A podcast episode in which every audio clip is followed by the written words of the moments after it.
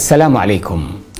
ما الذي يحدث لو أن الثقة غابت من أي كيان من كيانات المجتمع؟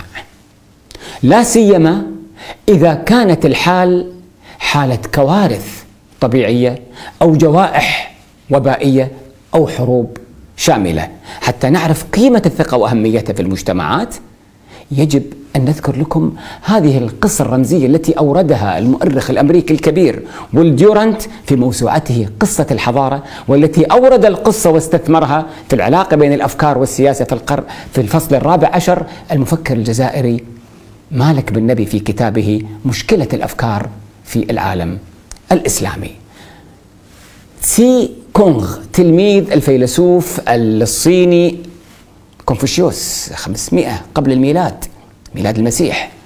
يسأله يقول له ما هو الأساس لتماسك السلطة وقيامها؟ قال ثلاثة شروط ثلاثة.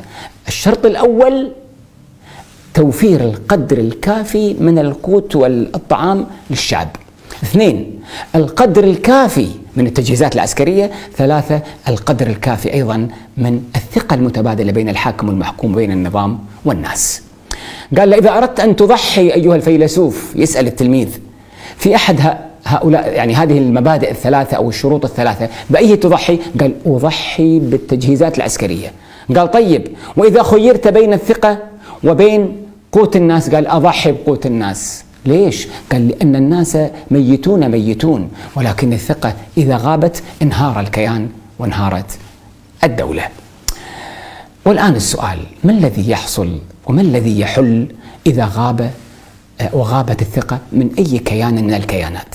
القطاع التعليمي القطاع الصحي الحاكم والمحكوم النظام السياسي والشعب الأسرة يا أخي كأول وأهم بوتقة في المجتمع. قاعدة متفق عليها إداريا واجتماعيا. إذا غابت الثقة أصبح المقيم الدائم والضيف الأبدي هو الشك. طيب ما الذي يحصل إذا حل الشك بين الكيانات ايا كانت صغيرة أو كبيرة؟ إذا حل الشك انهار الإنجاز ولم يكن هنالك التبادل بين أفراد أي كيان تبادلا صادقا منتجا. طيب أنا علشان أحقق الثقة ما الذي أحتاجه؟ تحتاج اولا أول المتطلبات النزاهة. وثاني المتطلبات الكفاءة. وثالث المتطلبات هو تطبيق القانون. وأنتم لاحظ أنا قاعد أتكلم في ظل هذا الوباء الذي اكتسح الناس كورونا. طيب يا أخي الكريم في حال تمت الثقة بين الكيان ومكونات الكيان الواحد ما الذي نكسبه يا جماعة؟ لا سيما في هذه الأيام الملحة على هذه القيمة الكبيرة بيننا جميعا. وخاصة أن القرارات قرارات دول وملحة. أول ما نكسبه هو الإنجاز والنجاح. ثاني ما نكسبه سرعة الإنجاز والنجاح. ثالث مكسب وهو مهم تجاوز الخلافات لأن الخلاف يقع في كل كيان. ولكن الخلاف الكيان الذي ملئ بالشك والخلافات وعدم الطمأنينة يستثمر آه، إلى مزيد من الشك ومزيد من الصراعات والتفكك. طيب بعد ما الذي نكسبه يا جماعة؟ نكسب الشفافية الصدق لأن في أمن اجتماعي.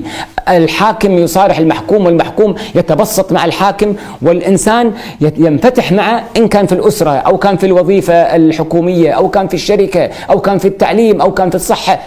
يصير شفافية لأن القصد المصلحة الجماعية ما دام الشك قائم.